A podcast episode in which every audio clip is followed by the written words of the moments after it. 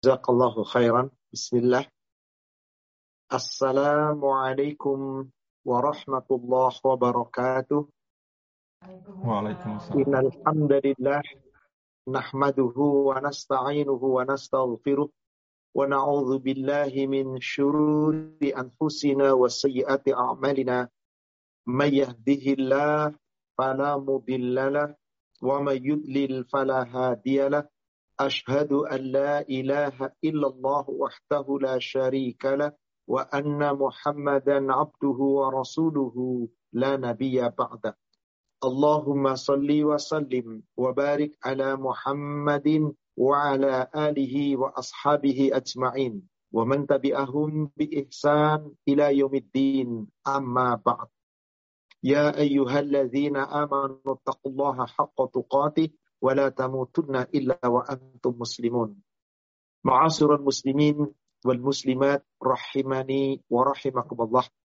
Bapak Ibu jamaah Majelis Taklim Paduka, baik itu yang berada di UK atau jamaah-jamaah yang ikut bergabung di mana pun berada. Kita di Indonesia waktu ini adalah Ba'da Isya jam 8 malam. Sementara di UK barangkali sekarang baru jam sekitar jam 1 barangkali atau jam 2 siang Ba'da Tuhur. Alhamdulillah pada hari, pada hari ini kembali Allah memperjumpakan kita di majelis yang mulia ini. Insya Allah kita akan membahas kajian berseri beberapa seri ke depan insya Allah. Yakni temanya adalah meningkatkan iman dengan khauf dan roja. Seorang hamba wajib memiliki rasa khauf. Dan ada khauf yang khusus ditujukan kepada Allah. Yang nanti berubah nama menjadi khasyah dan seseorang hamba ketika dia punya rasa takut kepada Allah, lalu melaksanakan ibadah, ada roja, ada pengharapan. Khauf dan roja ini bergabung menjadi satu. Sebagaimana kalau kita berdoa ada khauf, ada toma. Ada rasa takut, ada toma, ada keyakinan Allah akan memberikan. Demikian pula kita dalam ibadah kepada Allah. Ada rasa takut, ada rasa roja, berharap. Allah akan memberikan yang terbaik untuk kita. Dan yang paling utama berharap surga. Insya Allah hari ini adalah sesi pertama kajian dengan tema meningkatkan iman dengan khauf dan roja. Kita akan menguraikan dulu apa sih makna khauf, apa sih makna roja. Salawat serta salam semoga terlimpahkan, tercurahkan kepada Nabi kita. Rasulullah Muhammad sallallahu alaihi wasallam Semoga tercurah kepada seluruh keluarga, sahabat, dan seluruh pengikutnya hingga yaumil akhir. Khawf, yakni sesuatu perasaan yang ada dalam diri seorang hamba. Rasa cemas, rasa takut. Di dalam istilah bahasa Arab, kata-kata khawf terdiri dari tiga huruf, yaitu huruf kho, huruf wawu, dan huruf fa. Secara bahasa, khawf artinya adalah takut atau secara makna adalah perasaan takut, gelisah atau cemas terhadap sesuatu yang dianggap akan membahayakan dirinya. Jadi takut itu bisa takut yang menimpa kepada manusia akibat perbuatan manusia itu sendiri atau karena ada perbuatan orang yang menimpakan kepada kita. Atau sesuatu kejadian yang Allah tetapkan di alam semesta ini. Orang rata-rata takut apabila gempa, takut akan ada tsunami. Apabila gulung meletus, takut akan ada lahar. Apabila hujan lebat, takut akan ada banjir. Maka takut-takut yang seperti ini, inilah rasa khauf manusia. Dan pasti ada. Gak ada manusia yang gak punya rasa khauf. Pasti ada. Itulah khauf yang bersifat duniawi. Dan ini wajar. Takut seperti ini dikatakan takut secara tabiah, kebiasaan. Memang manusia punya rasa takut. Sepanjang dia tidak berlebihan takut itu, maka dia tidak mengapa. Karena itu suatu tabiah. Ada pula takut terhadap makhluk. Ada seorang hamba takut kepada harimau. Ada yang takut kepada singa, ada takut kepada ular. Bahkan maaf terkadang para wanita hanya ulat bulu kecil takut. Cacing takut dan seterusnya. Ini khauf yang memang terjadi pada manusia. Khauf seperti ini tabiat kebiasaan manusia yang tiap manusia memiliki rasa takut. Takut seperti ini wajar. Dan tidak mengapa. Apakah menjadi tercela? Tidak. Apakah orang yang punya rasa takut tadi tercela, lalu yang nggak punya rasa takut jadi mulia? Tidak. Kalau tidak ada kaitannya dengan urusan akhirat, maka tidak mengapa. Itu duniawi. Tetapi orang punya rasa takut, terkadang takut itu menjadi hilang. Ketika dia berusaha. Contoh, kita secara awam, saya yakin takut mata, takut eh, apa namanya harimau, takut binatang buas, takut ular. Coba lihat pawang-pawang. Orang yang biasa bergelut dengan harimau dan singa. Nggak ada rasa takut. Mereka berpelukan dengan singa. Mereka bermain-main dengan ular. Kenapa? Karena seperti itulah. Kalau ada gunung meletus, lihat kawah kita takut. Ada orang sengaja mendatangi kawah, meneliti kawah. Ada orang nggak takut. Apakah orang yang nggak takut jadi mulia? Tidak. Nggak ada kaitannya mulia. Paling terhormat yang menciri rasa takut yang memang terjadi pada manusia. Takut yang secara umum takut terhadap keadaan dunia, maka takut ini takut tabiah yang tidak ada masalah.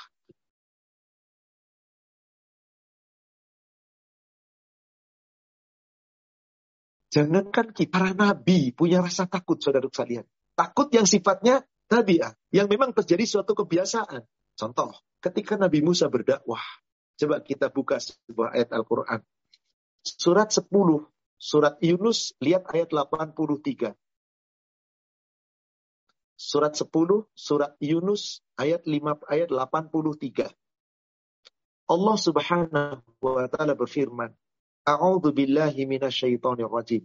Fama amana li Musa. Maka tidak ada yang beriman kepada Musa. Jadi ketika Musa dakwah kepada kaumnya, Fir'aun dan bala tentaranya, saat sebelum orang-orang tunduk kepada Musa, setelah adanya pertandingan Nabi Musa dengan para pesihir Fir'aun, maka saat itu tidak ada yang beriman kepada Musa. Illa kecuali zurriyatum min qawmihi ala khawfin kecuali keturunan dari kaumnya dalam keadaan takut. Jadi dia beriman kepada Allah bersama Nabi Musa, tapi mumpirnya rasa takut. Takut kepada siapa? Min Fir'aun. Takut terhadap Fir'aun. Wa malaihim ayyaftinahum. Dan kepada para pembesar-pembesar kaumnya Fir'aun. Kenapa takutnya? mereka akan menyiksa. Bukankah ini takut yang wajar? Bukankah ini takut yang wajar? Kaumnya Musa yang beriman pada Allah punya rasa takut. Takut terhadap Fir'aun, pembesar Fir'aun, yang nanti bisa mencelakakan, menyiksa mereka, membunuh mereka. Wa inna Fir'aun la'alin fil ardi. Maka sesungguhnya Fir'aun itu benar-benar telah berbuat sewenang-wenang di muka bumi. Wa innahu minal musrifin. Sungguh dia Fir'aun termasuk orang yang melampaui batas.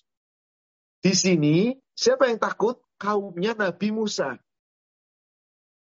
Maka Nabi Musa menenangkan kaumnya di ayat ke-84-nya. Wa qala Musa. Berkatalah Musa kepada kaumnya. Ya qaumi in kuntum amantum billah fa'alaihi tawakkalu in kuntum muslimin. Jika kamu betul-betul beriman kepada Allah, maka bertawakallah kepada Allah. Kepadanya saja jika kamu benar-benar muslim, berserah diri. Seakan-akan Musa mengatakan gak usah takut kalau memang kamu beriman.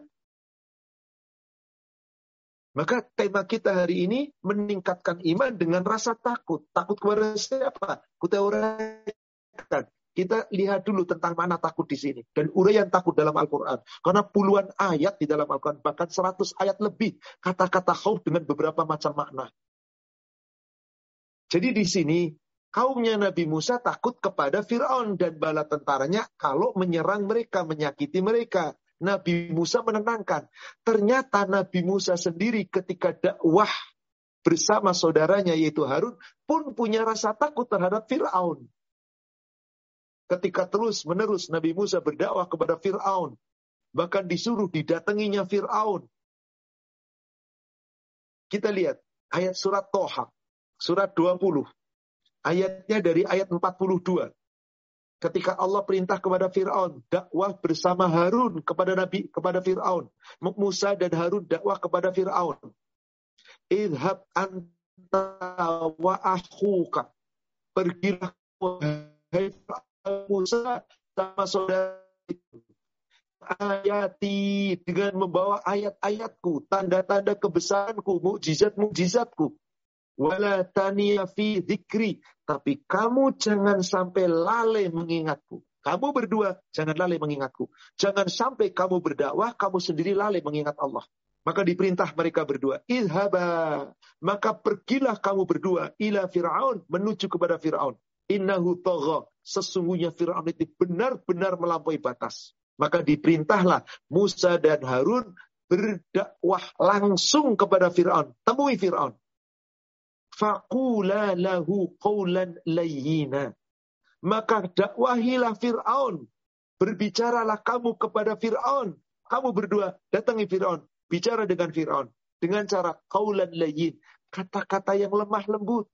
Jangan arogan. Jangan kata-kata kasar. Tetapi yang lemah lembut, yang baik. Berkata sama Fir'aun la'allahu yahsha. Mudah-mudahan Fir'aun sadar mau mengingat Allah dan takut kepada Allah. Mudah-mudahan. Padahal Allah tahu Fir'aun gak bakal bisa.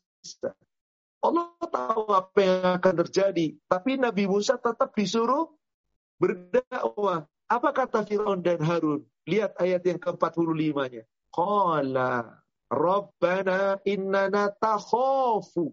Nabi Musa saja takut ketika dakwah kepada Fir'aun. Ini ta'abiah, ini alami. Karena Fir'aun begitu bengis. Maka Musa dan Harun mengatakan, Ya Rabbi, kami berdua takut. Nakhafu, kami takut. Ayyab roto, ayyab roto alaina, aw ayyab gha. Apa yang ditakuti oleh Musa dan Harun? Nanti kami akan disiksa oleh Fir'aun dan para pembesarnya. Atau apa? Akan bertambah melampaui batas. Kami dakwahi bukannya sadar, nanti tambah melampaui batas. Maka mendengar kata-kata itu, Allah berfirman di ayat 46-nya. Qala la takhafa. Hai Musa, hai Harun, kalian berdua jangan ada rasa takut. Innani ma'akuma. Aku bersama kamu berdua. Asma'u wa ara. Aku mendengar. Aku melihat. Mendengar jawaban dari Allah ini. Maka Musa dan Harun mantap. Tidak tergeming. Tidak ada rasa takut pada dirinya. Berjuang menghadap Allah. Dari sini jelas. Subhanallah. Saudaraku sekalian. Ketika seorang hamba punya rasa takut. Nabi Musa yang begitu kuat, keras, tetap punya rasa takut. Karena memang rasa takut seperti itu tabiat. Takut akan apa? Takut akan dipukul, takut akan disakiti, takut akan dihina. Seperti itulah dan Nabi Musa merasa takut. Kenapa sih Musa kok takut dakwah sama Fir'aun? Karena ada sejarahnya. Nabi Musa pernah membunuh kaumnya Fir'aun. Tanpa sengaja. Akibat perbuatannya ada rasa takut. Coba, Bapak Ibu berbuat salah. Takut. Anak takut sama orang tua karena anak salah. Suami takut sama istri karena telah berbuat salah, menyulahi atau apa namanya dusta sama istri, takut ketahuan. Demikian pula istri, demikian pula orang bawahan pada atasan. Seperti itulah. Tapi ternyata ada orang yang nggak punya rasa takut. Berarti imannya sudah hilang. Apalagi kalau tidak punya rasa takut terhadap Allah, dia berbuat sesukanya. Lalu bagaimana iman bisa meningkat? Sekali lagi saudara sekalian, di pertemuan pertama, saya akan membahas dulu ayat-ayat yang bermakna tentang khauf. Nanti baru kita akan membahas bagaimana meningkat iman takwa kita dan roja. Hari ini pemahaman ayat-ayat tentang khauf dan roja dulu. Kita lihat sekarang, yakni surat Al-Qasas, surat 28. Coba kita lihat dari ayat yang ke-15. Ketika Nabi Musa masuk kekuasaan Fir'aun, وَدَخَلَ الْمَدِينَةِ عَلَى حِينَ غَفْلَةٍ مِنْ أَهْلِهَا Ketika Nabi Musa masuk ke kota, di situ kota namanya kota Memphis. Ya ini adanya di daerah Mesir. Ketika masuk di sana, ketika penduduknya sedang lengah, apa yang terjadi? Wa wajada fiha rajulaini yaktatilan. Didapati oleh Nabi Musa dua orang sedang bertengkar, sedang berkelahi. Mereka berantem satu sama lain. Yang satu kaum dari Fir'aun, yang satu kaumnya Nabi Musa, Bani Israel. Maka apa yang terjadi saat itu? Yang seorang dari golongan Bani Israel, yang seorang dari musuhnya, pihaknya musuhnya Fir'aun. Jadi pihak Fir'aun. Yang Bani Israel, umatnya Nabi Musa. Yang Fir'aun, itu musuhnya Nabi Musa. Bertengkar. Mereka berkelahi. Maka apa yang terjadi? Hada min syiatihi wa hada min aduwihi. Satu dari kalangannya Nabi Musa, yakni dari Bani Israel. Satu dari kalangannya Fir'aun, yakni musuhnya Musa. Fastaghasahu alladhi min syiatihi ala alladhi min aduwihi kemudian melihat perkelahian itu, Nabi Musa kemudian saat itu orang-orang yang dari golongannya, yakni dari golongan uh, Nabi Musa, Bani Israel, meminta pertolongan kepada Musa. Untuk apa? Untuk bisa mengalahkan yang dari kalangan musuh, yakni dari golongannya Fir'aun. Fawakazahu Musa faqadu Musa serentak ketika itu apa istinya? Uh, spontan meninju, memukul dengan tangannya. Siapa yang dipukul? Kaum dari Fir'aun, dari musuhnya. Dipukullah oleh Musa. Maka kemudian apa? Qala hada min amali syaitan. Ternyata setelah dipukul, langsung sekali pukul mati. Apakah itu keinginan Musa? Tidak. Hanya membela. Membela kaum yang lemah. Yang sedang ditindas. Dipukul. Ternyata sekali pukul yang dipukul mati. Maka saat itu sadar Musa mengatakan ini perbuatan syaitan, ini bukan kemauanku, ini perbuatan syaitan. Innahu adu mubin. Sesungguhnya syaitan itu betul-betul musuh. Setan-setan itu benar-benar jelas menyesatkan. Inilah yang pertama terjadi. Kenapa Fir Musa takut masuk ke tempatnya Fir'aun? Karena pernah merasa bersalah. Maka saat itu Musa mengakui kesalahannya. Karena takut kepada Fir'aun dan takut kepada Allah. Yang paling takut kepada Allah. Maka Musa menyadari dia. Qala Nabi Musa berdoa, Rabbi ini tu nafsi. Wahai Allah, sesungguhnya wahai Rabbku, aku telah mendolimi diriku sendiri. Faghfirli, ya Allah, ampuni aku. Faghfara lahu innahu huwal ghafurur rahim. Maka diterima tobatnya. Ketika Musa mengakui salah, cara takut dosa, mohon ampun kepada Allah, maka diterima taubatnya oleh Allah. Allah maha pengampun lagi maha. Bukankah kita juga punya rasa takut akan dosa? Apa bukti kita punya rasa takut akan dosa? Kita beristighfar, kita bertobat. Tapi apakah setiap umat Islam berbuat salah takut kepada Allah akan dosa? Tidak. Lalu bagaimana iman akan meningkat kalau dia tidak punya rasa takut akan dosa? Jadi kita harus menyadari dan wajib kita punya rasa takut. Kalau kita nggak punya rasa takut, kita akan aman-aman saja. Seakan-akan tidak pernah ada masalah. Bebas berbuat. Maka Nabi Musa ketika telah memohon ampun kepada Allah, diampuni. Maka Nabi Musa kemudian berkata kembali, doa kembali. Qala Rabbi bima an'amta alayya maka wahai Robku demi nikmat yang telah engkau gerah, anugerahkan kepada aku. Maka falan akuna zahiran lil mujrimin. Aku sekali-kali tidak akan menjadi penolong lagi bagi orang yang berdosa. Jadi maksudnya dua-duanya bertengkar. Umatnya Nabi Musa salah, umatnya Firaun salah, berkelahi. Kedua-duanya berdosa. Ini jelas musuh. Ini juga kenapa berkelahi? Kenapa tidak mengalah? Maka itu termasuk orang yang dolim. Apa yang terjadi? Perbuatan Fir'aun sampai terdengar kepada eh, perbuatan Musa terdengar oleh Fir'aun. Maka Fir'aun memerintah bala tentaranya, tangkap Musa. Di situlah Musa ketakutan. Maka di ayat 18-nya, fa'asbaha fil madinati khaifan. Maka kemudian pada pagi harinya Musa menjadi ketakutan berada di kota itu sambil menunggu akibat perbuatannya. Ya taraqabu fa'idal ladzi istansarahu bil amsi yastasrihu. Sambil menunggu akibat perbuatannya, tiba-tiba orang yang kemarin minta tolong kepada Musa datang lagi, lalu meminta tolong kepada kepada Musa lagi. Apa kata Musa ketika itu? Qala lahu Musa. Musa berkata kepadanya, Innaka laghawiyyum mubin. Engkau sungguh orang yang nyata-nyata sesat. Di sini Musa merasa takut. Kenapa? Pernah merasa bersalah membunuh kaumnya Fir'aun. Maka Fir'aun perintah bala tentaranya kejar Musa. Dibunuh Musa, hendak disakiti. Diperintah oleh Allah, Musa pengen menghindar. Allah perintah apa tadi? Datangi Fir'aun. Coba bayangkan Bapak-Bapak. Bapak habis menyakiti seseorang. Lalu ingin keluar kabur. Hendak dikejar dari orang yang pernah disakiti dari kaumnya atasan Bapak nyuruh, datangi ke sana, kabur kita barangkali.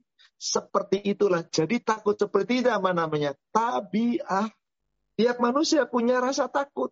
Takut terhadap keadaan. Takut nggak bisa makan, nyari rezeki susah takut kelaparan, takut sakit nggak sembuh, takut adanya pandemi COVID, takut adanya penyakit ini itu. Semua rasa takut itu wajar bagi manusia dan orang takut seperti itu, insya Allah itu takut sesuai dengan tabiat.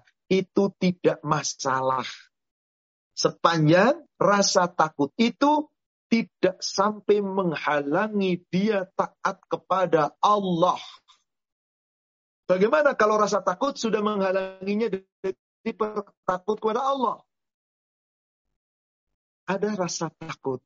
Yang sesungguhnya takut itu secara tabiah, iya. Tapi tidak boleh takutnya kita kepada ini menghalangi kita taat kepada Allah. Contoh. Biasanya kalau orang-orang Eropa, saya nggak tahu orang-orang sahabat saya yang di UK.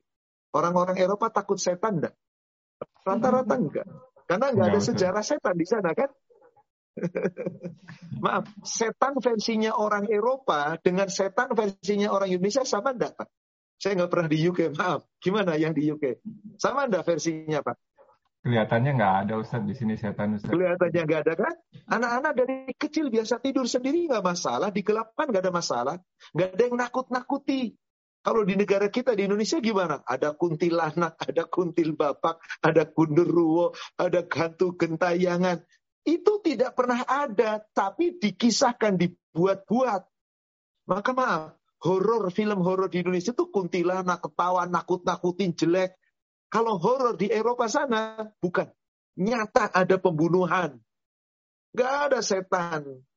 Nah, banyak orang Indonesia, orang Islam takut sama setan, gak masuk akal. Mau setan gak ada kok. Maksudnya setan yang nakut-nakutin dengan rupa yang menyeramkan tuh gak ada. Gak begitu cara setan menggoda. Maka bolehkah kita takut sama setan? Saudara-saudara kita yang sudah lama di UK mungkin udah gak takut lagi. Coba tanya orang Indonesia. Banyak takut sama setan gak? Bolehkah kita takut sama setan? Takut sama setan masuk kategori apa? Bisa wajar, tabiah, alami, kalau sekedar. Tapi kalau sudah rasa takut itu menghalangi dia dalam taat kepada Allah, ini tidak boleh. Coba kita buka surat 3. Surat Ali Imran 175. Surat 3, surat Ali Imran 175. Innama dzalikumus. Sesungguhnya yang berbuat seperti itu, yang suka nakut-nakuti kami, semuanya itu adalah syaitan. Innama dzalikumus syaitan. Yukhawifu awliya'ah. Setan-setan itu nakut-nakuti kamu dengan kawan-kawan setan. Tapi bukan penampakan, bukan memperlihatkan. Bohong, dusta besar. Kalau ada orang pernah mengatakan, saya lihat setan genderuwo. Nggak pernah ada. Dusta sedusta-dustanya. Karena setan Allah telah jamin tidak bisa memperlihatkan diri. Dan manusia sudah diberikan oleh Allah jaminan gak bakal bisa lihat setan. Karena setan itu gaib. Yang yang dimaksud setan dari kalangan din gak ada. Maksudnya bukan gak ada. Gak bisa memperlihatkan diri. Allah yang berikan jaminan. Maka kata Allah, mereka cuma nakut-nakutin kamu. Bukan menampakkan fisik yang menyeramkan, mengerikan, genderuwo. Bukan. Nakut-nakuti melalui halusinasi, melalui hawa nafsu. Yuwas wisu fi sudurinas. Kamu takut ini, takut itu, takut nggak bisa makan di dunia, takut nggak dapat rizki, takut nggak sehat, takut nggak sembuh, takut ini, takut itu. Itu bukan menakuti secara fisik. Itu caranya setan. Itu teman-temannya setan begitu. Maka apa kata Allah? Lihat ujung ayatnya. Fala takhafuhum. Maka janganlah kamu takut kepada mereka. Wa khafuni. Takutlah kamu hanya kepadaku. Ini kepada Allah. In kuntum mu'minin. Jika kamu benar-benar beriman. Oh, sekarang saya balik. Mahfum mukhalafah. Kalimat terbaliknya. Kalimat negatifnya. Kata Allah, Jangan kamu takut sama setan kalau kamu beriman. Takutlah kepadaku, hanya kepada Allah. Sekarang, kalau ada orang kok takut sama setan, jadi berarti apa Pak? Apa Bu? Jangan takut sama setan, takutlah kepadaku, kata Allah. Jika kamu beriman. Jika ada orang lebih takut kepada setan daripada takut kepada Allah, berarti Gak sempurna imannya kan? Ya subhanallah. Kan begitu makhluk mukhalafahnya. Ya kalimat terbaliknya kan begitu lawan katanya. Ada orang lebih takut kepada Allah. Iman namanya. Ada orang lebih takut sama setan. Kalau Anda benar-benar beriman, jangan takut sama setan. Contoh, ada ibu-ibu bangun malam, mau sholat malam, niatnya bagus banget ke kamar mandi. Kodolo di kamar mandi kayak ada yang niup di sini, merinding. Bangun, masuk lagi, nggak jadi sholat malam. Berarti Anda lebih takut kepada setan. Takut tabiat berubah menjadi takut yang berlebihan. Maka tidak boleh. Ada orang laki-laki mau sholat subuh ke masjid. Kelama gelap lewat pohon yang katanya angker. Tiba-tiba seperti ada yang gelayutan. Balik lagi pulang nggak jadi ke masjid. Berarti takutnya kepada setan melebihi takutnya kepada Allah. Jangan demikian. Kata Allah, syaitan. Itu semua yang menakut-nakuti kamu setan. Yukhawifu awliya. Mereka itu menakut-nakuti kami bersama teman-temannya. Wala takhafuhum. Jangan sekali-kali kamu takut kepada mereka. Wa khafuni. Takutlah kamu hanya kepadaku. In kuntum jika kamu betul-betul mukminin beriman. Maaf, saudara sekalian, saya tunjukkan ayat. Jangan pernah percaya ketika ada orang mengatakan, saya lihat di bawah kesehatan. Itu indigo bisa lihat, bohong, dusta. Jangan pernah percaya. Yakinlah dengan firman Allah. Coba Bapak Ibu lihat surat Al-A'raf. Surat 7 ayat 27. Surat Al-A'raf, surat 7 ayat 27. Allah berfirman, Ya Bani Adam, hai manusia, anak cucu Adam, semuanya. La yaftinannakumus syaitan. Jangan sampai kamu tertipu oleh setan, terperdaya oleh setan. Kama akhroja abawaikum sebagaimana setan telah mengeluarkan kedua orang tuamu, yakni Adam dan Hawa. Minal jannah dikeluarkan dari surga. Yang zi'u'anhuma libasahuma. Dengan tertipu oleh setan. Apakah setan nakut-nakuti? Enggak. Meniup-niupkan hawa nafsu kepada Adam. Dan saat itu Adam dengan setan bertemu. Karena saat itu ada jin iblis laknatullah makhluk yang diciptakan Allah. Diganggulah Adam dan Hawa. Allah katakan, ya Adam, nikmati surga. Tapi jangan dekati pohon ini. Jangan kamu makan buah dari pohon ini. Niscaya kamu celaka. Kata setan, dibalik. Adam, itu nikmat. Kamu kalau nggak makan nggak bakal kekal. Sebetulnya Allah melarang justru supaya nggak kekal. Makanlah. Akhirnya tergoda rayuannya setan. Rayuan yang membisikkan yuaswi sufi sudurin nas. Maka kata Allah, saya manusia, anak cucu Adam. Kamu jangan sampai ketipu kayak orang tuamu tuh. Sehingga ter dikeluarkan dari surga. Dengan cara apa? Memakan buah yang dilarang oleh Allah dimakan. Bahkan jangan dekati pohon ini, malah diambilnya buahnya. Dimakannya. Akhirnya apa? Setelah makan itu, lepaslah pakaiannya, tanggal. Maka kedua aurat dari mereka berkelihatan. Yiwarihuma sawatihima. Tertipu oleh gangguan setan setelah mendekati pohon itu dan memakan buahnya, maka kedua aurat dari orang tua kita, kedua-duanya terlihat. Auratnya Adam dilihat oleh Hawa, auratnya Hawa dilihat oleh Adam. Dari situlah mulainya adanya hawa nafsu. Kemudian apa yang terjadi? Lihat firman Allah. Innahu sesungguhnya dia yaitu setan-setan itu ya rokum melihat kamu huwa wa qabiluhu min setan dan kawan-kawannya setan, setan dan bala tentaranya setan, melihat kamu dari suatu tempat yang kamu tidak akan bisa melihat mereka. Tolong ini garis bawahi Bapak Ibu. Kamu nggak bisa lihat setan, setan bisa lihat kamu. Allah yang mengatakan, apa Anda nggak percaya? Setan itu gaib. Bagaimana manusia bisa lihat yang gaib? Nggak ada yang diperlihatkan oleh Allah yang gaib kecuali hanya Allah atau hanya hamba-hamba yang diridhoi. Inna ja'alna syayatin awliya alilladina la yu'minun. Allah jadikan setan-setan itu aulia, pemimpin, pelindung orang-orang yang tidak beriman. Jangan takut sama setan, takut sama Allah. Khauf itu sama Allah. Makin khauf Anda kepada Allah, iman Anda makin meningkat. Makin tipis khauf Anda Allah, makin lemah iman Anda ini dulu, takut dulu kita pahami betul-betul. Jangan sampai Anda tidak merasa takut kepada Allah, bahkan takutnya kalah dengan yang lain. Ustadz, katanya Nabi bisa lihat setan. Iya, karena Allah menghendaki. Ustadz, bahkan Nabi siapa namanya? Nabi Sulaiman punya bala tentara setan. Ya, karena Allah menghendaki. Ingat, yang goib itu hanya Allah yang lihat. Dan tidak diperlihatkan yang goib itu kepada siapa pun Gak ada manusia yang bisa lihat yang gaib. Kecuali kepada para rasul yang diridhoi. Tolong ini catat. Surat 72, surat Al-Jin, coba perhatikan ayatnya baik-baik. Tadi surat Al-A'raf, surat 7 ayat 27, setan bisa lihat kamu. Kamu nggak bakal pernah bisa lihat setan. Karena setan itu gaib.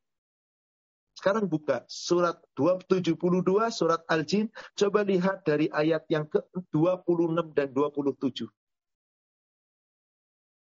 Alimul ghaibi fala yudhiru ala ghaibihi ahada. Hanya Allah dialah yang mengetahui yang gaib. Bukankah setan itu gaib? Bukankah malaikat itu gaib? Bukankah sesuatu yang akan terjadi akan datang itu gaib? Alimul ghaib. Hanya Allah yang mengetahui yang ghaib. Fala yuzhiru ala ghaibihi ahada. Tidak diperlihatkan oleh Allah kepada seorang pun, kepada siapa pun. Tidak ada. Allah nggak pernah perlihatkan kepada siapa pun yang gaib. Tapi maaf, ayat ini belum berhenti Pak. Lanjutkan ke ayat 27-nya. Illa kecuali manir mir rasulin yang bisa melihat yang gaib adalah para rasul yang diridhoi. Gak setiap rasul. Para rasul yang diridhoi. Rasulullah bisa lihat setan? Bisa. Nabi Sulaiman bisa lihat setan? Bisa.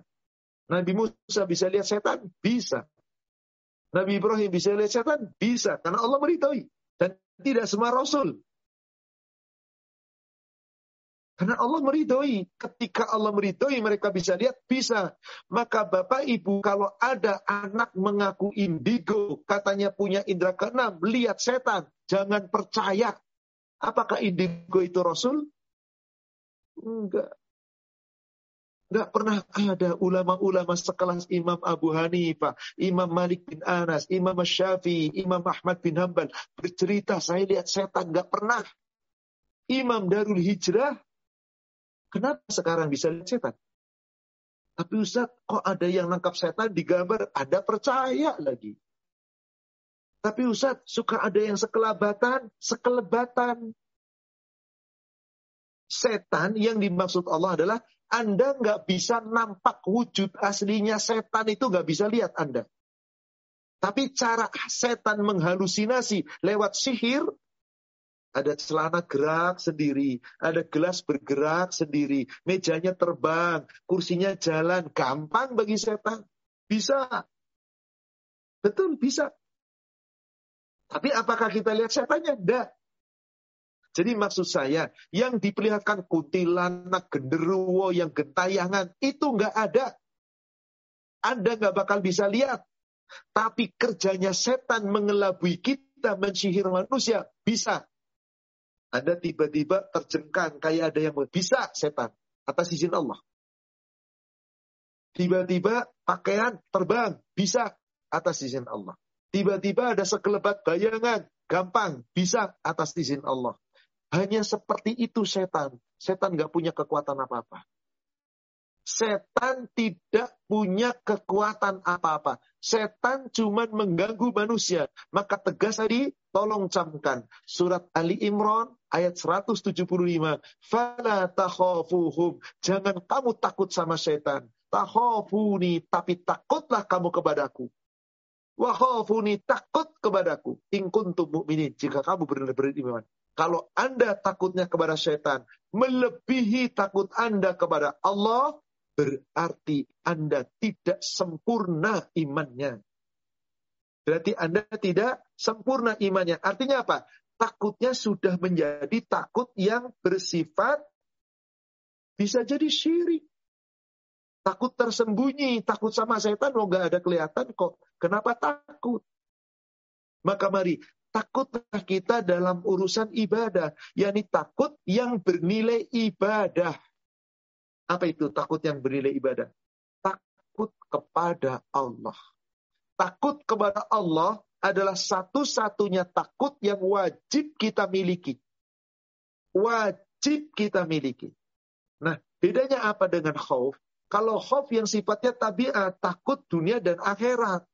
Anda takut azab neraka, Anda takut siksa, Anda takut hisap yang berat, anda takut nanti dibongkar kesalahan, Anda takut akan azab Allah, akan bencana. Itu takut-takut yang seperti itu manusia menghindar. Manusia takut pasti menghindar. Tapi ketika Anda takut kepada Allah, bukan menghindar dari Allah, justru makin dekat dengan Allah. Itulah takut yang bernilai ibadah. Maka takut itu berubah dari khauf menjadi khosh. Takut yang nilainya ibadah, hanya takut kepada Allah. Maka orang-orang yang takutnya kepada dengan khosh, benar-benar tidak takut kepada yang lain kecuali kepada Allah, inilah orang-orang yang sempurna imannya. Coba kita buka surat At-Taubah. Surat 9 ayat 18. Bagaimana Allah Subhanahu wa taala berfirman. Allah Subhanahu wa taala berfirman, "Innama ya'muru masajidallah man amana billahi wal yaumil akhir."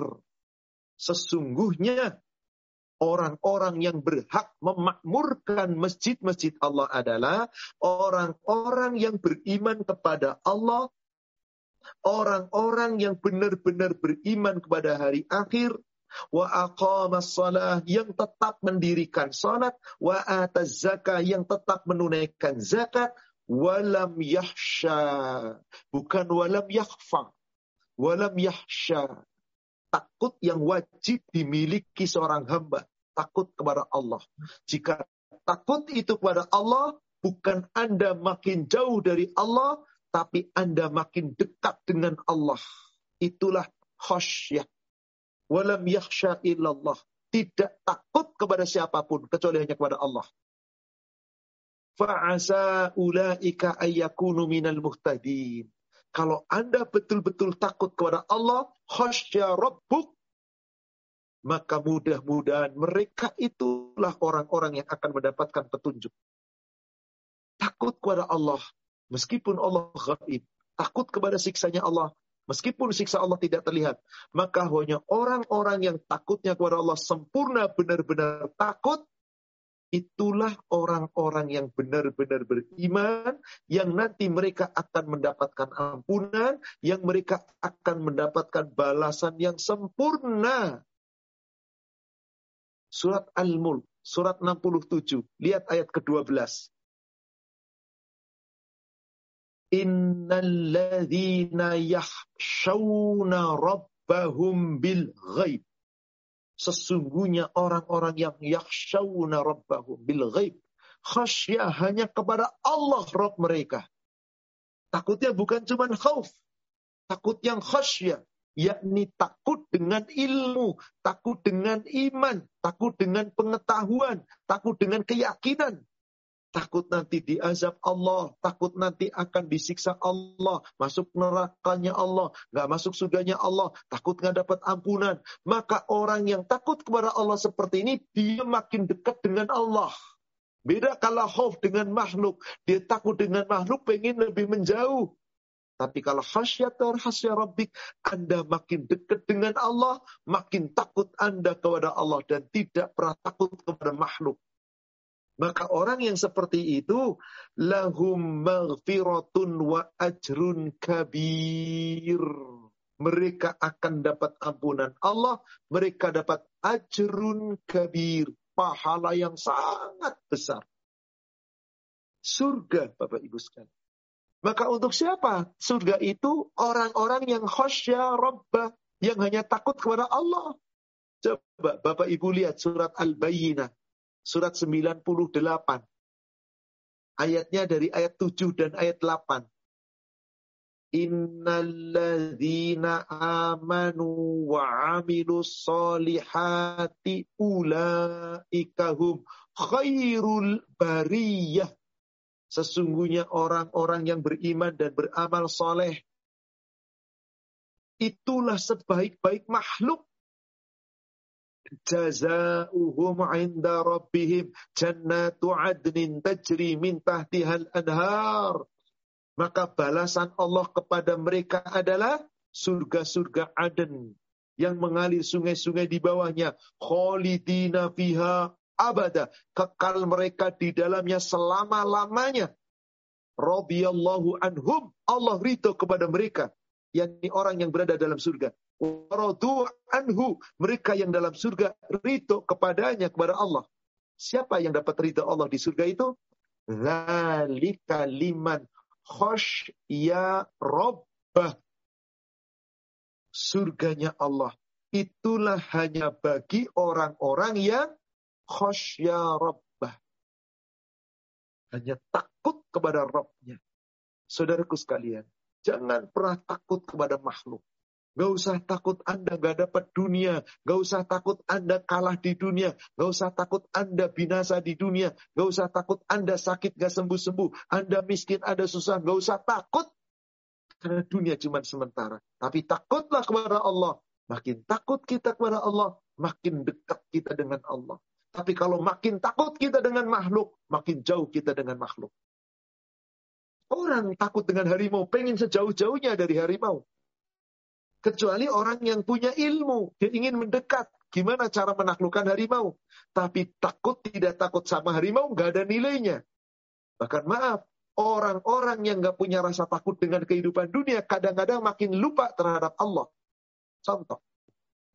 Bagi kita, jalan di atas tebing, kanan kirinya jurang, meskipun semeter, itu ngeri. Saya pernah melihat ada adegan, ada film, ada tempat wisata yang di situ di tebing yang sangat tinggi, kemudian cermin yang berdampak kaca, bening. Sehingga pas seakan-akan kita jalan di atas. Orang yang sudah terbiasa enak aja itu. Coba yang nggak pernah lihat ketinggian. Gemeter. Meskipun itu aman. Rasa takut pengen sejauh-jauhnya. Kenapa ada orang nggak takut? Sudah terbiasa ada olahraga yang loncat dari ketinggian, bayarnya jutaan, apa nama itu? Bungee jumping. Gak takut apa dengan itu dia mulia? Enggak, bahkan sombong dia. Banyak orang menghabiskan waktunya, tidak takut dengan urusan dunianya, tapi makin ngawur terhadap Allah. Akhirnya dia tidak punya rasa takut juga kepada Allah. Maka dia berbuat seenaknya. Inilah saudaraku sekalian yang semoga dirahmati Allah. Rasa takut itu ada pada manusia. Dan yang sifatnya tabiah bagus silakan gak ada masalah. Gak usah berlebihan, gak usah dicela, gak usah sombong kalau gak punya takut. Tapi ada takut yang haram Anda lakukan. Takut kepada makhluk mengalahkan takutnya kepada Allah. Tapi ada takut yang wajib Anda miliki. Khasyat, takut hanya kepada Allah. Kalau Anda mampu melakukan itu, hanya takut pada Allah, beres semuanya. Allah berikan pahala yang paling mulia, pahala yang agung. Allah berikan ampunan. Akhirnya surga pun Allah berikan kepada kita. Takut saudara kalian. Kemudian saya bahas yang kedua, roja. Roja artinya berharap, mengharapkan. Maka setiap hamba pasti berharap. Seorang si suami berharap kepada istrinya setia. Istrinya melayani dengan baik. Seorang istri berharap suaminya pun cinta hanya kepada seorang istri. Nggak menyeleweng kepada yang lain. Nyari nafkahnya benar.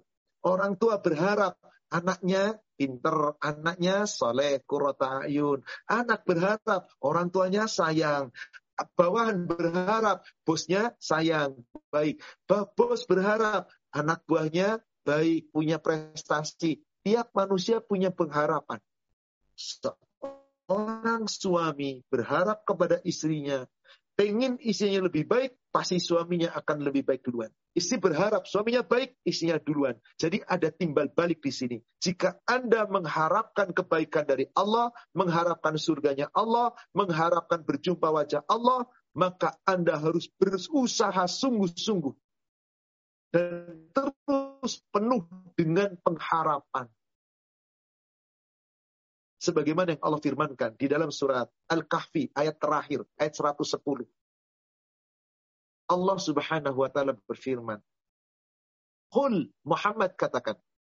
Innama ana basyarum mithlukum yuha ilai.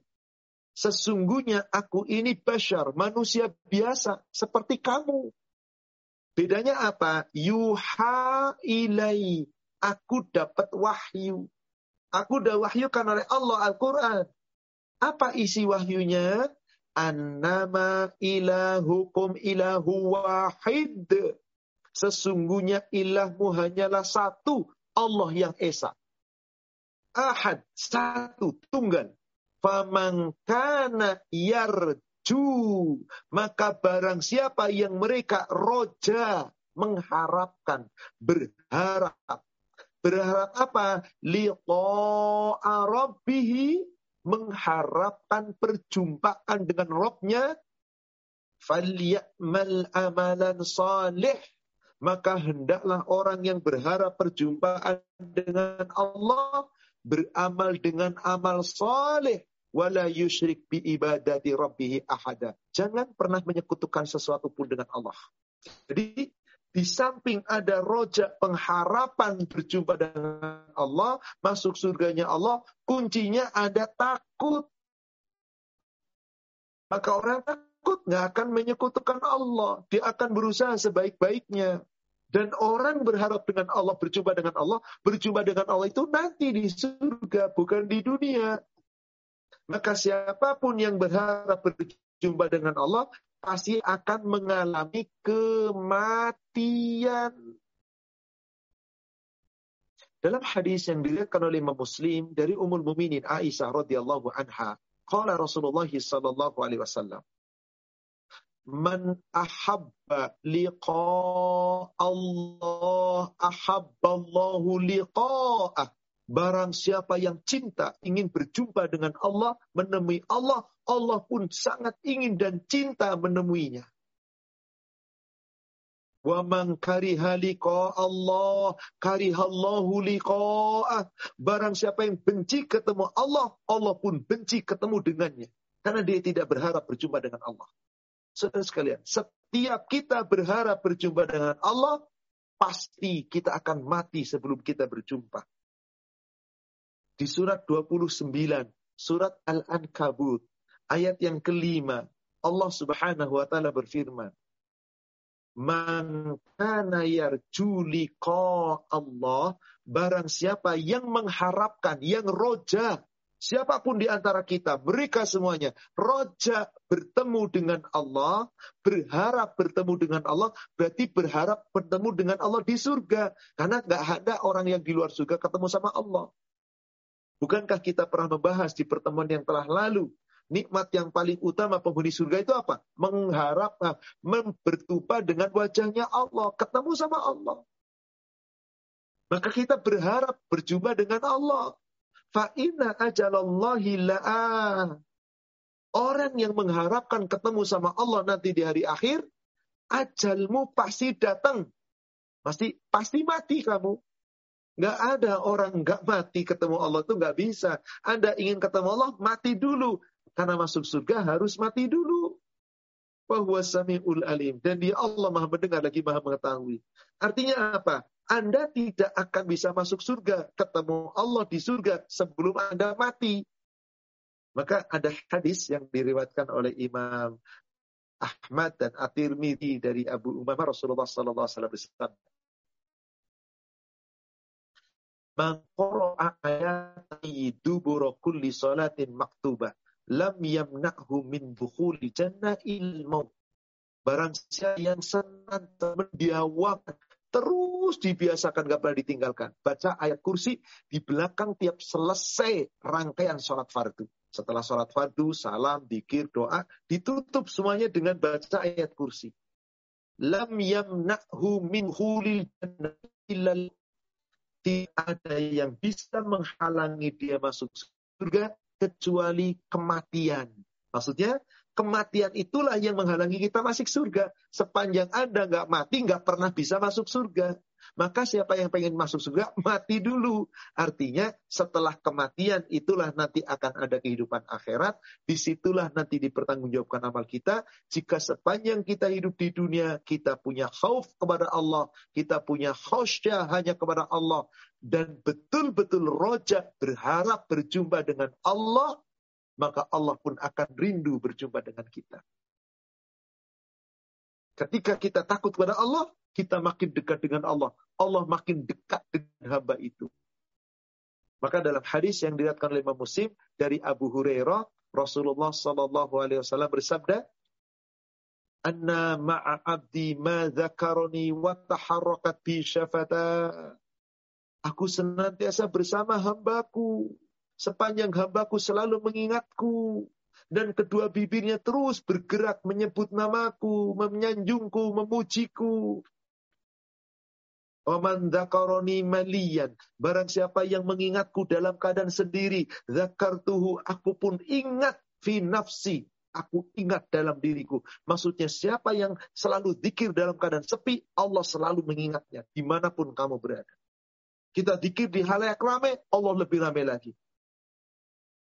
Waman taqarraba ilayya abdin. Siapa seorang hamba yang mendekatkan kepadaku zira'an satu jengkal.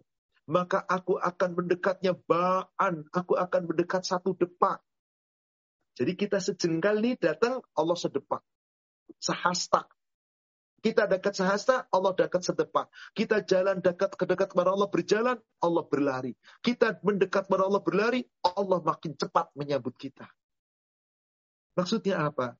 Kita akan senantiasa bersama Allah dan Allah akan selalu melindungi kita jika kitanya senantiasa menjaga aturan Allah, lebih dekat dengan Allah, lebih mendekat kepada Allah, minta hanya kepada Allah, minta pertolongan kepada Allah, menjaga aturan Allah, maka Anda akan selalu dijaga oleh Allah.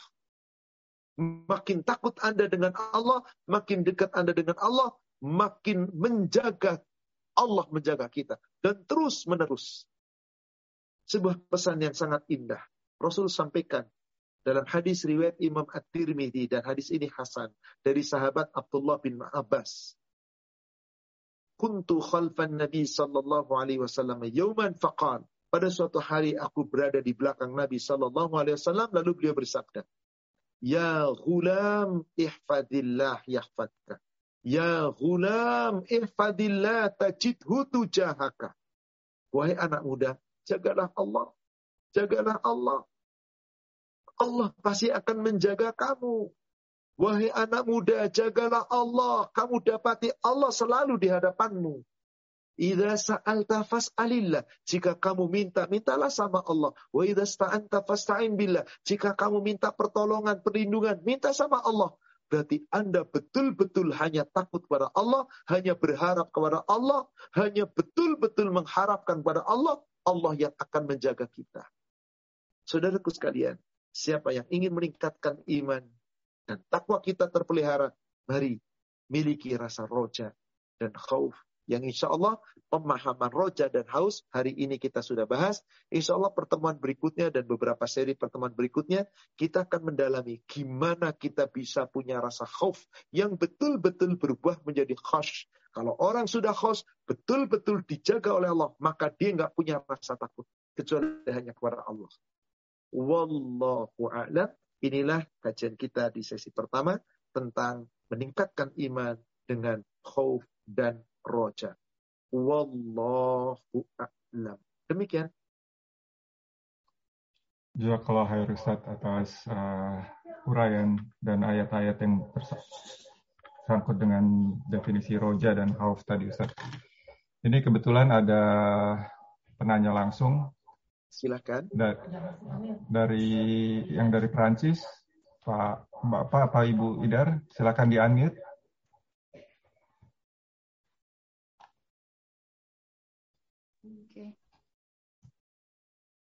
Oke, dengar. Silakan, Bu. Assalamualaikum warahmatullahi wabarakatuh. Waalaikumsalam warahmatullahi wabarakatuh. Eh, terima kasih Ustadz sudah memberi saya kesempatan untuk bertanya. Uh, saya punya teman yang sering kali curhat sama saya, termasuk pagi ini.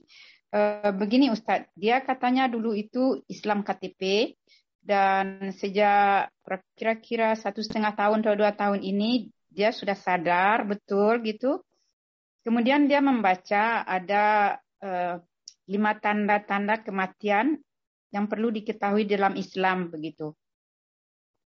Terus katanya pada suatu hari dia sedang berzikir lalu agak terlena. Dia melihat daun jatuh katanya. Jadi dia uh, sangat ketakutan dan sering menangis karena uh, takut ajalnya sudah hampir sampai, sedangkan dia belum banyak beramal begitu. Jadi uh, apa itu bisa dipercaya atau bagaimana cara menyikapinya itu, Ustaz? Baik. Terima kasih. Memang sering sekali kita mendapati tulisan tanda-tanda kematian, 40 hari sebelum ini, lima tanda kematian. Sebetulnya begini, tanda kematian itu hidup. Setiap kita hidup itu pasti mati. Gak harus tua, gak harus sakit. Wong banyak orang sehat tiba-tiba mati kok. Lagi olahraga sehat walafiat, pulangnya mati kok. Sakit bolak-balik, koma sudah puluhan bulan, bahkan tahun. Gak mati juga kok.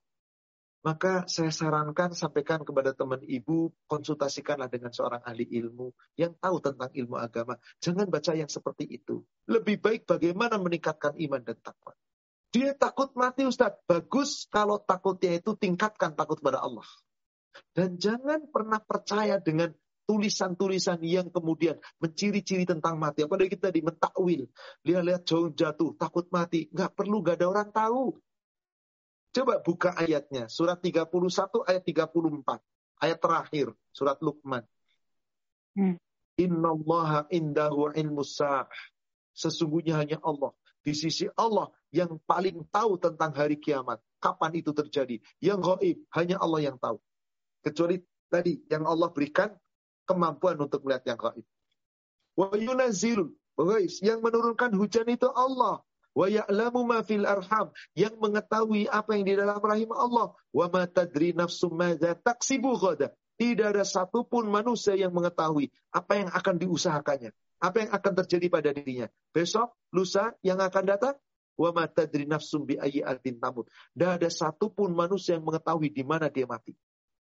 Sarankan kepada kawan ibu, kalau memang dia takut mati, dia sering menangis, jangan menangis takut matinya, tapi sesali dosa yang lalu, segera makin dekat dengan Allah, perbaiki amal ibadah, Daripada Anda banyak menangis gak ada gunanya, mending Anda perbaiki amal ibadah. Tingkatkan sholatnya, tingkatkan ibadahnya, tingkatkan sodakohnya, tingkatkan baca Quran, baca hadis, baca, belajar ilmu agama, sering-sering ikuti kajian yang benar. Insya Allah, takutnya makin tinggi kepada Allah, dengan takut mati. Insya Allah. Silakan ya. nanti ibu sarankan kepada kawan ibu. Wallah demikian. Jadi dia tidak perlu uh, peduli dahulu itu ya Ustaz ya. Suruh memperbaiki diri saja Ibu, tingkatkan amal ibadah insya Allah. Jadi takutnya lebih dekat kepada Allah. Ya. Makasih Ustaz, saya akan sampaikan. Insya Allah. Silakan berikutnya. Baik Ustaz, uh, mungkin ini sebelum ke pertanyaan yang berikutnya, untuk yang mau bertanya langsung, mohon pertanyaan garis garis besar pertanyaannya disampaikan kepada admin dulu, kepada admin Rashid atau kepada admin Febi. Uh, untuk pertanyaan berikutnya, ini saya akan share screen sebentar, Ustaz. Oh. Silakan.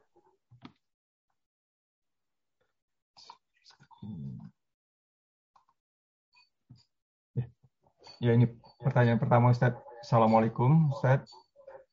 Eh, katanya setan itu bisa merubah dirinya. Itu bagaimana ya Ustaz? Jadi mungkin Betul. terkait dengan yang Ustaz sebutkan. Kata Rasulullah, setan bisa merubah dirinya, menyerupai binatang. Bisa. Jadi ayam, jadi soang, jadi bebek, jadi kambing, bisa. Jadi kuda, jadi anjing, jadi ular, bisa. Tapi setan tidak pernah bisa merubah bentuknya jadi makhluk anak Adam, manusia. Gak bisa. Tapi kalau menyerupai suaranya, tiba-tiba ada suara kok persis, bisa. Tapi nggak usah takut. Apabila kita diganggu setan dengan seakan-akan ada lintasan halusinasi, ada penyerupaan binatang yang sejujurnya wujud dari setan dan seterusnya, gampang kok langsung kita minta perlindungan kepada Allah. Gak usah takut. Lawan. Sampai Allah katakan lawan. Kenapa? Setan itu cuma bisa ganggu kamu. Bukan menampakkan wujud asli. Menghalusinasi. Saya berani bersumpah demi Allah. Orang-orang yang ngomong saya pernah lihat di pojokan itu. Bohong, dusta. Demi Allah dusta. Halusinasi yang terlihat oleh dia. Bukan makhluk nyata. Dan gak perlu Anda percaya itu di bawah tangga. Gak ada. Bilang aja. Anda pendusta. Ini ayat Al-Quran. Allah sudah berfirman. Gak ada yang bisa lihat setan. Kecuali hanya Rasul yang Allah ridhoi. Tidak semua Nabi diperlihatkan. Apalagi kita. Siapa Anda? Kok berani ngomong? Karena manusia tidak yakin dengan firman Allah. Kalau sudah yakin dengan firman Allah. Jadi memang betul. Tapi ingat. Allah perintah lawan kita dengan apa? Dengan ucapan perlindungan kepada Allah. Coba lihat surat An-Nisa ayat ke-76. Alladhi innal ladzina amanu yuqatiluna fi sabilillah. Sesungguhnya orang-orang beriman itu ketika dia berjuang, berjuang di jalan Allah. Walladzina kafaru yuqatiluna fi sabilit. Orang kafir itu kalau berjuang, berjuang di jalan syaitan. Qatilu awliya syaitan. Lawan, perangi setan-setan itu. Perangi, lawan oleh kita orang beriman. Apa kata Allah ujung ayatnya? Inna kaida syaitan kana du'ifa. Tipu daya setan itu lemah. Lemah setan itu. Tipu dayanya itu lemah. Nggak bisa menguatkan kita, nggak bisa. Tiba-tiba tanpa sebab jorokin kita, nggak bisa kecuali kitanya bermasalah sama setan. Apa maksudnya kita bermasalah sama setan? Anda minta bantuan setan. Anda kemudian mengusik-musik setan. Pasti setan pun akan mengusik Anda. Tapi kalau kita taat kepada Allah, ngapain juga peduli sama setan? Wong setan juga makhluknya dari jin yang takut juga sama Allah kok. Lawan setan, kata Allah, lawan. Gimana cara kita lawan? Kita harus kenal dulu gimana cara setan datang kepada kita. Di surat Al-A'raf, ayat yang ke-200, Allah berfirman, "Wa imma yanzaghannaka minasyaitani nazghun fasta'id billah." Innahu sami'un alim. Jika setan mengganggu kamu dengan suatu gangguan, menggoda kamu dengan suatu godaan, hendaklah segera kamu berlindung kepada Allah. Allah Maha Pengerangan, Allah Maha Mengetahui. Gimana cara setan menggoda? Bukan menampakkan diri melalui sifat. Maka Rasulullah mengatakan, hadis yang sahih riwayat Imam Abu Daud dari Sahal bin Sa'ad, al-ajalatu minasyaitan sifat tergesa-gesa, sifat tidak sabaran, sifat dengki, sifat judes, sifat pemarah, sifat tidak bisa memaafkan, sifat buruk, semua itu dari setan. Semua dari setan. Maka kapan kita tahu kita lagi diganggu setan? Saat Anda lagi marah, saat Anda belum bisa memaafkan, saat Anda lagi dengki, saat Anda lagi musuhan, saat Anda gak mampu memaafkan. Itu tandanya Anda sedang diganggu setan. Maka coba Bapak Ibu lihat ayat sebelumnya. Tadi surat 7 Al-A'raf ayat 200 saya sudah baca, jika kamu diganggu setan, berlindung pada Allah. Bagaimana cara setan mengganggu? Ketika Anda tidak mampu memaafkan, ketika Anda pengennya marah, ketika Anda mendengki, maka di ayat ke-170 eh 199-nya apa kata Allah? Idfa apa namanya? Uh, jadilah kamu pemaaf, khudhil lafa wa'mur bil ma'ruf wanha 'anil munkar wa'arid anil jahili. Jadilah kamu pemaaf, seru untuk selalu berbuat baik, cegah kemungkaran. Kalau ada orang jahil, orang bodoh menghina kamu, mencela kamu, tinggalin. Jangan dilawan. Anda malah melawan. Anda emosi. Tandanya Anda lagi dikalahkan setan. Lawan setannya. Gimana caranya? A'udhu billahi rajim. Maka dalam hadis yang diriwayatkan oleh Imam Muslim diceritakan ada seorang laki-laki bertengkar, wajahnya memerah, ini uratnya menggembung, muah kata-katanya marah, makin satu memaki, satu hendak memukul, matanya merah. Rasul lihat, kemudian beliau tersenyum. Demi Allah, aku tahu satu kalimat. Jika kalimat ini dibaca, marahnya reda. Apa itu kalimatnya ya Rasulullah? A'udhu billahi minasyaitonir rajim. Jika dia membaca itu dengan ikhlas, sifat marahnya hilang. Karena begitu dibaca a'udzubillahi minasyaitonirrajim, jangan asal ngomong, serius. A'udzubillahi minasyaitonirrajim. Setan lila. Karena kita sedang minta perlindungan sama Allah. Berani setan mengalahkan kita. Kalau kita sudah minta perlindungan sama Allah. Gak bisa. Mari kita lawan dengan perlindungan Allah. Jadi ketika kita didatangi setan, bukan didatangi makhluknya, tapi sifat-sifat buruk setan yang datang kepada kita. Saudara kalian tolong catat, setan nggak punya kekuatan pada kita. Lemah. Saya tunjukkan ayat satu lagi. Monggo buka surat Ibrahim. Dan ini kata setan sendiri. Tapi maaf, perkataan setan itu nanti ketika sudah di neraka. Tapi ayatnya ada sekarang, jadi kita harus paham. Coba perhatikan surat Ibrahim ayat yang ke-22. Allah Subhanahu wa taala berfirman, Amr. Berkatalah setan-setan ketika perkara hisab sudah diperka, sudah diputuskan. Kumpul manusia dengan setan sudah dicampur di dalam neraka. Setan berkata kepada manusia-manusia yang mengikuti setan. Inna Allah wa'adakum wa'adal haq. Hai manusia, Sesungguhnya Allah telah menjanjikan kepada kamu janji yang benar bahwa kamu jangan terpedaya oleh setan. Kamu jangan percaya sama setan. Kamu jangan pernah kerja sama sama setan. Bahwa kamu nggak usah takut sama setan. Itu janji Allah benar. Apa kata setan? Aku menjanjikan kepada kamu, tapi aku selalu mengingkari. Apa janjinya setan? Yuwaswisu fi sudur. Goda manusia melalui hati, melalui pikiran. Akhirnya percaya dengan hawa nafsu setan. Aku mengingkari janjiku. Lihat lanjutan ayatnya. Wa makana liya alaikum min sultanin. Tuh, lihat. Aku sesungguhnya tidak punya kekuatan sedikit pun terhadap kamu. Gak punya kekuatan. Gak bisa menampakkan, gak punya kekuatan. Noel aja gak bisa, gak kuat illa anda autukum kecuali aku ngajak kamu. Cuma ngajak. Nih, yuk asfisu itu. Kata setan, yuk gak usah sholat, gak usah ngaji, ayo ke sana, ayo maksiat, ayo ini, ayo marah, ayo itu. Cuman begitu caranya setan masuk ke dada manusia. Illa anda utukum, fastajab tumli. Kamu justru mengikuti ajakanku. Kata Allah, jangan. Kamu ikut. Salah siapa? Manusia. Jadi maaf saudara sekalian, kita wajib tahu gimana tipu daya setan. Bukan menampakkan, bukan kekuatan, bukan. Tapi gimana tukang sihir para dukun? Itu memang minta kerjasama sama setan. Bisa kolaborasi. Dia bisa lihat setan? Bisa. Kenapa? Dianya minta kepada Allah supaya bisa lihat setan. Kerjasama dengan setan. Bisa dukun-dukun yang seperti itu. Jangan kita ikutin dong kalau begitu. Wallahu a'lam.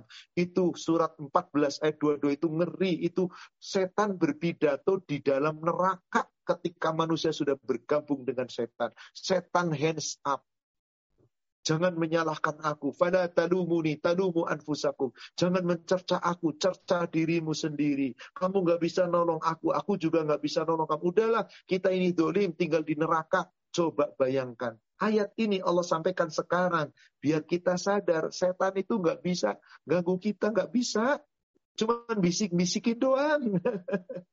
Jadi Bapak Ibu tolong jangan percaya penampakan. Jangan pernah percaya. Allahu a'lam. Demikian. Ya kalau harus. Uh, ini mungkin pertanyaan berikutnya sebenarnya tadi saya harusnya sudah gabung aja nih. Agak mirip Ustaz. Bismillah, izin bertanya Pak Ustadz.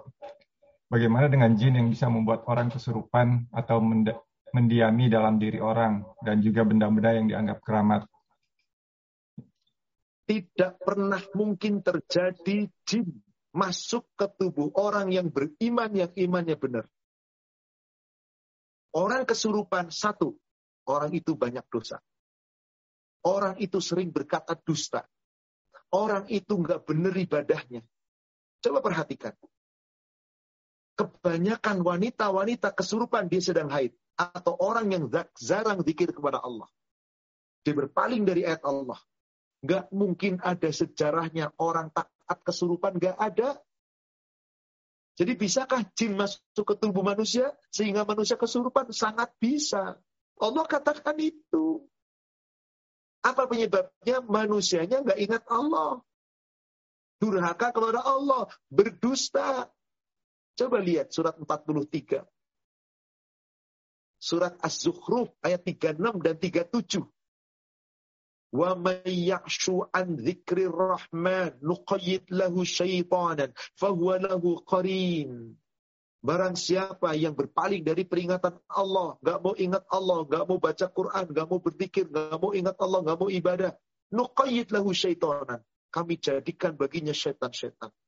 Fahualahu korin, setan menjadi korinnya, bisa mengganggunya, kesurupan akhirnya, ini kemakan, bisa menggodanya, seperti itu. Tapi orang yang senantiasa baca Quran, berzikir kepada Allah, zikir sesudah sholat, nggak pernah ditinggal, pagi petang nggak pernah ditinggal, dijamin nggak bakalan. Coba kita salah satu zikir pagi dan petang, apa isinya? Allahumma hfazni min baini yadayya wa min khalfi wa an yamini wa an shimali wa min fauki wa min tahti wa an uradda ila apa namanya supaya tidak diganggu dari bawahku. Ini kan kita berlindung dari setan, berlindung dari depan, dari belakang, kanan, kiri, atas, bawah. Minta. Lah, Anda nggak pernah dikir, ya setan menyatu sana. Orang itu terus tersesat, tapi orang itu nggak pernah ngerasa salah. Akhirnya apa? Rupiah, rupiah, panggil Ustadz Rupiah, setannya keluar. Setannya keluar, Ustadznya ada di situ. Ustadznya balik, masuk lagi setan. Malah makin senang, nggak tergantung dengan Ustadz. Maka Allah pernah mempertanyakan kepada kita tentang setan itu ke mana turunnya. Coba Bapak Ibu lihat surat 26, surat Ash-Shu'ara, ayat 221. Surat 26 ayat 221. Qul hal unabbi'ukum ala man tanazzalu syayatin Maukah aku sampaikan kepada kamu? Perlukah aku beritahukan kepada kamu? Kepada siapa setan-setan itu turun, masuk? Nazzalu ala kulli afakin asim. Setan itu turun kepada tiap pendusta yang banyak dosa. Jadi nggak mungkin ada orang jaga diri, imannya benar, nggak suka berbuat dosa, nggak suka berdosa, tiba-tiba kesurupan demi Allah nggak mungkin. Siapa yang kesurupan memang nyari-nyari, udah lumping, dimasukin setan udah jelas dimasukin. Ada orang beriman mau jadi kuda lumping, mau jadi main debus. Ada tuh ustad, ada tuh namanya murid-murid itu para santri. Gak benar ajaran seperti itu. Gak pernah para santri itu Rasul mengajarkan orang yang belajar agama begitu kekuatan ini gak pernah. Salahnya mereka sendiri mendekat kepada setan. Ya sudah setan makin dekat. Pokoknya setiap orang yang berdosa, yang sering berdusta, yang tidak ingat Allah, maka sesungguhnya setan-setan itu adalah dat datang. Jadi itulah orang yang suka kemasukan setan kesurupan. Gak mungkin orang beriman yang imannya benar kemasukan. Demi Allah gak mungkin karena Allah menjaga mereka. Demikian saudara sekalian. Wallahu a'lam. Ya, kalau Ustaz. Ini mungkin kita kasih kesempatan lagi untuk penanya langsung. Tadi uh, ini ada Ibu Kamil ya. Silahkan di unmute. Silahkan.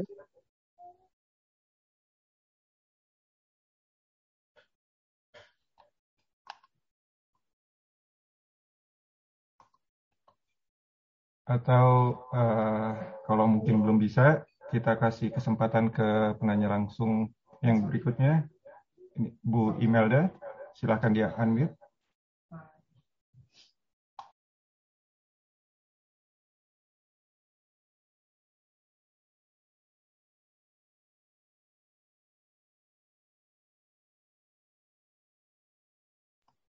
Mungkin ini terpencet sepertinya Ustadz. Ini uh, ini Mbak Sofi ya, yang satu lagi ya penanya langsung. Silakan Mbak Sofi, di unmute Mbak Sofi.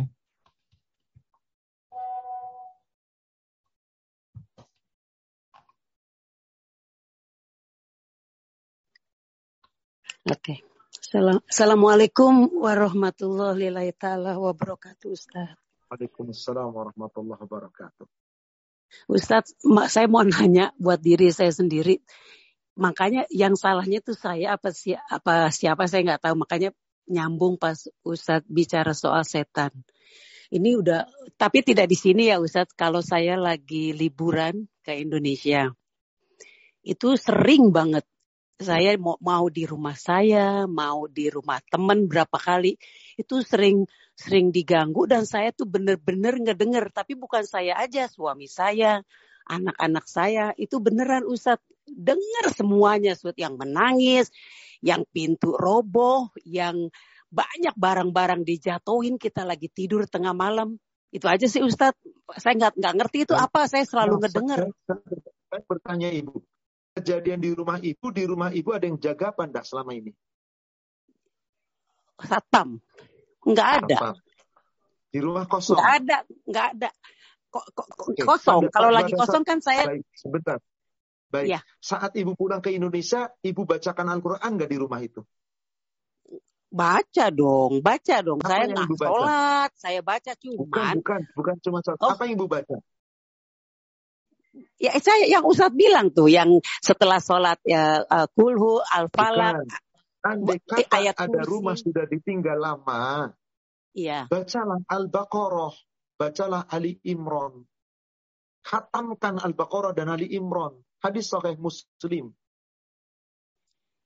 Siapa yang di dalam rumahnya membaca surat Al-Baqarah dan surat Ali Imran, maka akan terganggu dari apa akan terlindung dari gangguan setan, akan aman dari tukang-tukang sihir.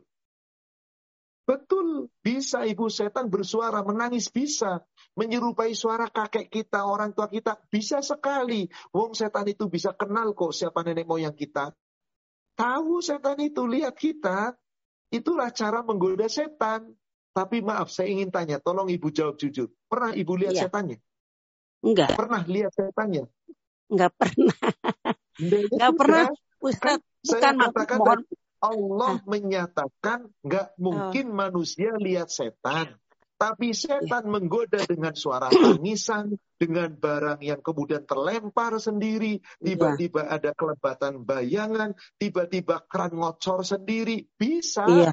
Iya. Bisa. Ibu baca Al-Baqarah. Karena rumah yang biasa ditinggalkan, berarti di sana nggak dibaca Quran, nggak ada. Satpam pasti nggak mungkin masuk di dalam, di luar terus. Benar nggak bu? Iya. Makanya kata Rasulullah, jangan biarkan rumahmu kayak kuburan. Maka iya. apabila kamu telah tinggalkan lama, bacalah Al-Baqarah, bacalah Ali Imran, hatamkan dalam waktu satu hari. Ibu datang jam berapa? Datang waktu siang, baca sampai besoknya, selesaikan itu. Berapa lama? Lah 4 jam, 5 jam lah. Aman insya Allah. Coba buktikan. Rasul yang bersabda, hadis eh riwayat Imam Muslim. Bukan cuma dikir sesudah sholat, bukan cuma baca Quran surat sudah. Ini khusus rumah-rumah yang sudah lama ditinggalkan. Maka setan pasti akan mengganggu, seneng. Tapi kalau rumah yang tiap hari dipakai sholat, dipakai ngaji, aman. Gak bakal ada tuh klotak-klotak, gak berani setan. Dengar kalimat, A'udzubillahi minasyaitonirrajim, udah kabur setan. Wong yang bisa ngalahkan Allah kok. Maaf, setan itu makhluknya jin loh Bu. Setan itu bukan makhluk ya, tolong catat.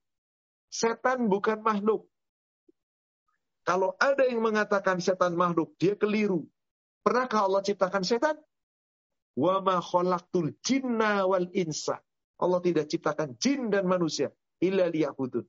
Surat Ar-Rahman, surat 55, ayat 14.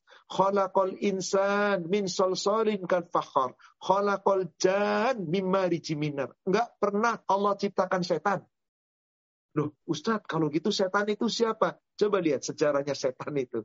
Buka surat 18 ayat 50. Surat 18, surat Toha ayat 50. Coba lihat di sana. Sejarahnya adalah Ketika setan kan diciptakan lebih dulu daripada Adam. Lalu diciptakanlah Adam. Setelah jadi Adam, setan disuruh apa? Suruh sujud. Maka Allah berfirman, lihat ayat 50. Wa il qulna lil malaikati li Adam fasajadu. Ingatlah ketika Allah perintahkan ada, uh, malaikat semua sujud kepada Adam. Fasajadu, semua sujud illa kecuali iblis. Loh, tiba-tiba muncul iblis. Karena Allah nggak pernah ciptakan iblis. Allah ciptakannya jin. Kenapa tiba-tiba ada iblis? Lihat. Apa Allah lanjutkan ayatnya? Karena minal jinni. Iblis itu adalah dari golongan jin. Makhluknya jin. Tapi disebut oleh Allah iblis. Siapa iblis itu? Fafasako'an amri robbihi Jin yang mendurhakai perintah Allah. Jin yang mendurhakai perintah Allah. Itulah iblis. Kalau jin yang taat tetap jin namanya. Nah, iblis itulah jin yang pertama durhaka kepada Allah. Maka raja dari segala raja setan itu namanya iblis. Selanjutnya Allah nggak pernah nyebut iblis lagi. Iblis itu cuma satu. Yang pertama kali durhaka kepada Allah suruh sama sujud sama Adam nggak mau. Itulah iblis anak keturunannya terus sampai yaumil akhir namanya setan. Jadi siapa makhluknya? Jin, gaib, diciptakan dari api. Ada jin yang beriman? Ada. Silahkan ibu baca surat Al-Jin, surat 72. Tuh dari ayat 1 sampai ayat 5. Itu cerita jin yang beriman. Tapi ayat 6, ayat 7, ayat 8, jin yang kafir. Masing-masing jin mencari jalan. Yang beriman tetap beriman, takut sama Allah. Yang kafir nggak takut sama Allah. Tapi nanti nyeselnya di neraka. Maka siapa yang mengikuti setan, yang kafir namanya setan, bukan lagi jin. Maka setan itu dari mana? Minal jinnati wan nas. Ada setan dari kalangan jin, ada setan dari kalangan manusia. Siapa setan dari manusia? Manusia yang durhaka sama Allah. Demikian Ibu. Jadi maaf, Allah tidak pernah ciptakan setan. Setan itu sesungguhnya sifat. Nama dari jin yang membangkang nenek moyangnya iblis dan Allah sudah katakan mereka tidak bisa menampakkan tapi menggoda manusia bisa Dengan suara bisa. Menggerakkan sesuatu bisa. Tapi melawan kita, tiba-tiba kita dipukul jatuh gebrok, nggak bakal bisa. Nggak punya kekuatan. Allah sudah berikan jaminan itu. Wallahu a'lam. Demikian. Jazakallah Ustaz. Jazakallah Ustaz. Um, ini sekarang udah jam 9.30 ya Satu pertanyaan lagi boleh Afi? Sudah setengah 10, boleh satu pertanyaan lagi? Yang di chat silakan. Insya Allah ini saya share pertanyaan yang berikutnya. Bismillah, Afwan Ustaz. Allah Ta'ala akan terus menguji kita hingga di akhirat kelak. Di dunia, fitnah-fitnah akan berlalu dan diganti dengan yang lebih dahsyat. Apakah maksudnya akan lebih banyak dan bertambah kekuatan setan yang menyelimuti manusia untuk jadi semakin menjauh dari Allah? Apakah umat di abad ini kelak akan diganti dengan umat yang mencintai Allah seperti yang dimaksud dalam surat Al-Maidah? Jazakallah. Saudaraku seiman, fitnah makin ke sini makin dahsyat betul. Dahulu fitnah manusia hanya dari setan, yakni dari jin yang membangkang setan.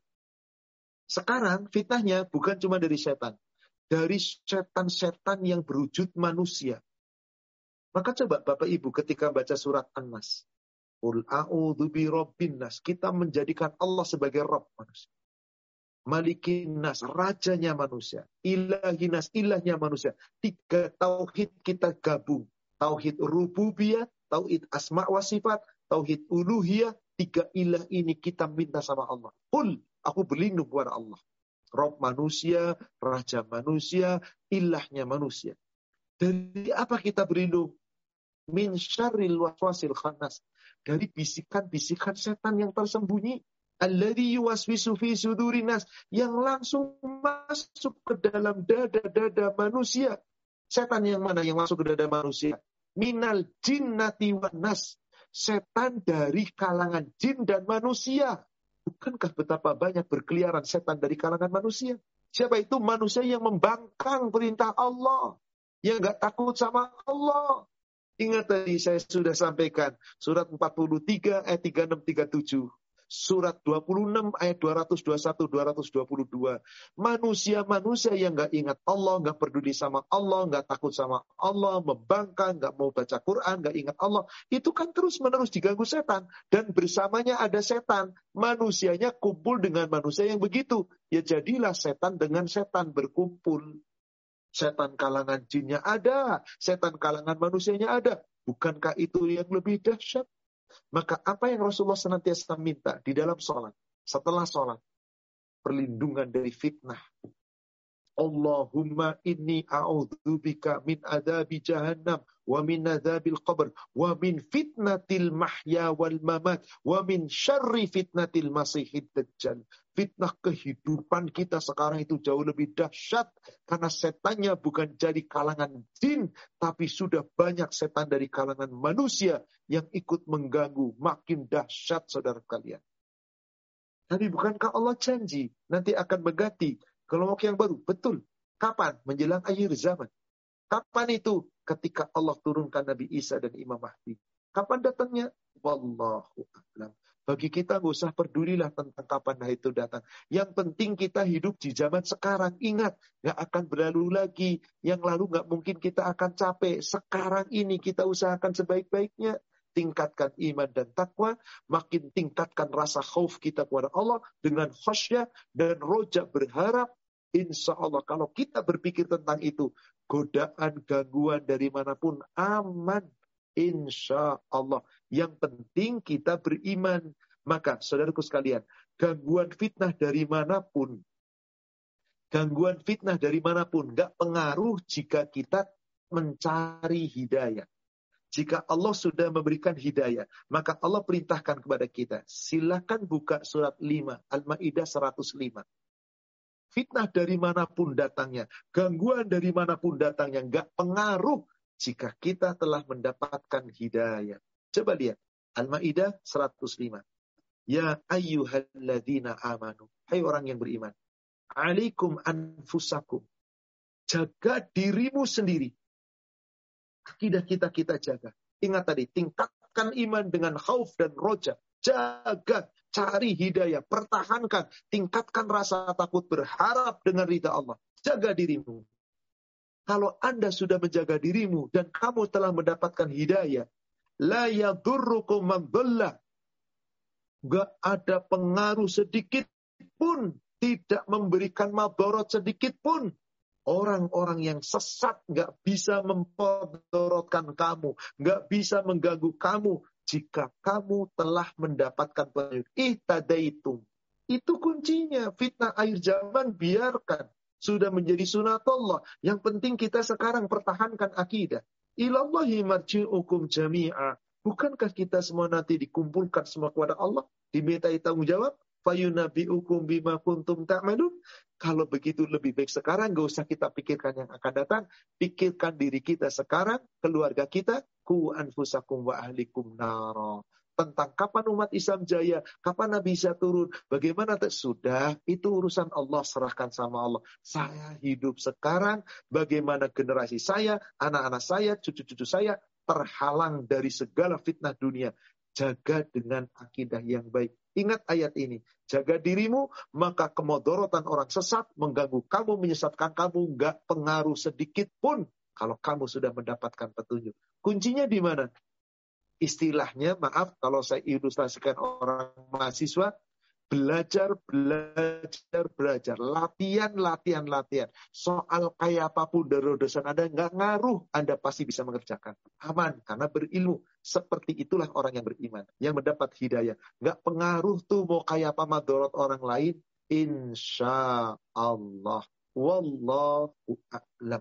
Demikian saudaraku seiman jamaah paduka yang semoga dirahmati Allah baik yang ada di UK atau di mana pun yang bergabung di Perancis, di Jerman, di Swedia, di mana pun, dan juga sebagian besar barangkali jamaah kita di Indonesia. Insya Allah mudah-mudahan kajian ini membawa manfaat untuk kita, meyakinkan bahwa kita itu harus betul-betul punya rasa takut. Insya Allah kajian ini masih kita lanjutkan berseri di pertemuan-pertemuan yang akan datang. Demikian yang benar dari Allah yang disampaikan melalui Rasulnya, yang salah saya yang menyampaikan yang penuh kekurangan, kita manusia yang penuh kekhilafan. Semoga Allah memaafkan dan mengampuni dosa kita. Mari Bapak Ibu sekalian kita tutup dengan doa kafaratul majlis. Subhanaka Allahumma wa bihamdika ashhadu an la ilaha illa anta astaghfiruka wa atubu ilaik. Alhamdulillah billahi taufik. Assalamualaikum warahmatullahi wabarakatuh. Waalaikumsalam warahmatullahi wabarakatuh. Baik, akhir saya pamit undur diri dan semua jamaah para pengurus paduka saya mohon diri. Jazakumullahu khairan barakallahu fikum. Assalamualaikum warahmatullahi wabarakatuh. Fik Ya kalau ayat Ustaz atas waktu dan ilmunya, semoga kajian kali ini bermanfaat bagi kita semua. Dan untuk menyimak kembali kajian kali ini dan kajian-kajian sebelumnya, seperti biasa, silahkan kunjungi channel YouTube kami di channel Paduka underscore UK uh, atas kesalahan dan kekurangan dari penyelenggaraan kajian kali ini, kami mohon maaf sebesar-besarnya. Barakallahu fikum wabillahi taufiq wal hidayah. Wassalamualaikum warahmatullahi wabarakatuh.